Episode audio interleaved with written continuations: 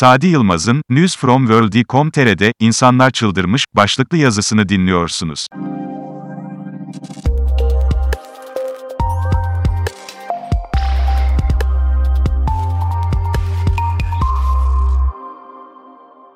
İnsan doğası asla düşünüldüğü kadar kötü değildir ama bunu kötüye kullananların sayısı günümüzde hızla artmaya başladı.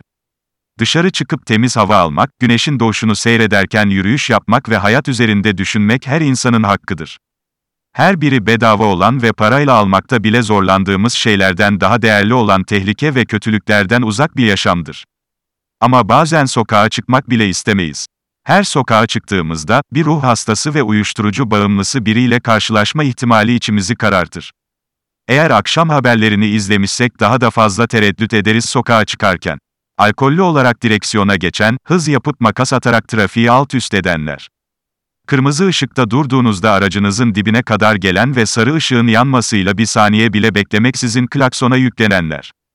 Kapınızı pencerenizi yumruklayanlar. Dahası sinirini silah ve kesici alet kullanarak masum insanların canına kastedenler. Trafiği kapatıp kendilerince eğlenenler. Düğünde hangi amaca hizmet ettiğini bilmeden kurşun atıp insanların canına kastedenler. Kadınlara, çocuklara hatta hayvanlara acımadan şiddet uygulayanlar.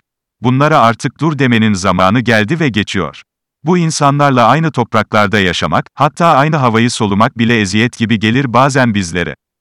Peki, ne yapalım? Ağzımızın tadını bozmaktan başka çare yok mu gerçekten?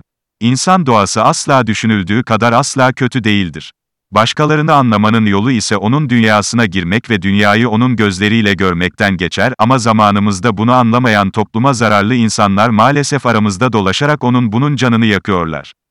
Bir insan durup dururken anlamsız şeyler yaparak sizi öfkelendiriyorsa bilin ki onun bir sorunu vardır.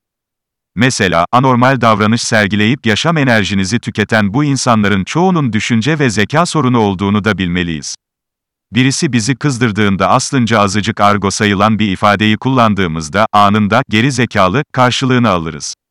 Her insana IQ testi yapılmıyor elbette ama topluma zararlı insanların davranışlarına bakarak da bunu tahmin edebiliriz.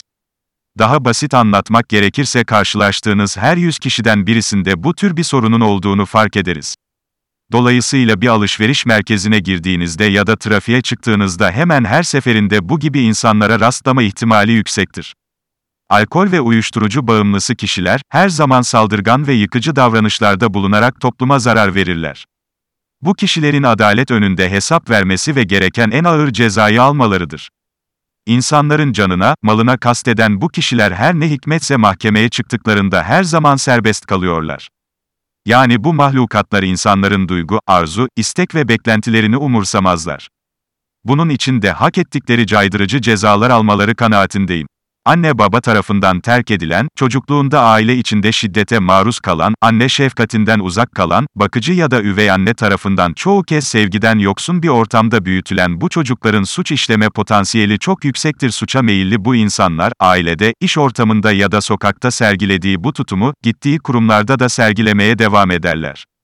Bağırıp çağırarak, vurup kırarak ilgiyi üstlerine çekmekten tuhaf bir haz alırlar. Toplumun yüz karaları olarak gördüğümüz bu insanlar nice ailenin canını yakmış ama yine de can yakmaya devam ediyorlar. Sinir bozucu olayların altında sadece kötülük ya da kötü karakterli insanların olduğunu unutmayalım. Ve diyorum ki, itle dalaşmaktansa çalıyı dolaşmak daha iyidir. Ayrıca insanların başını beladan da uzak tutacaktır. Diyor, Sadi Yılmaz News from World.com'daki köşesinde.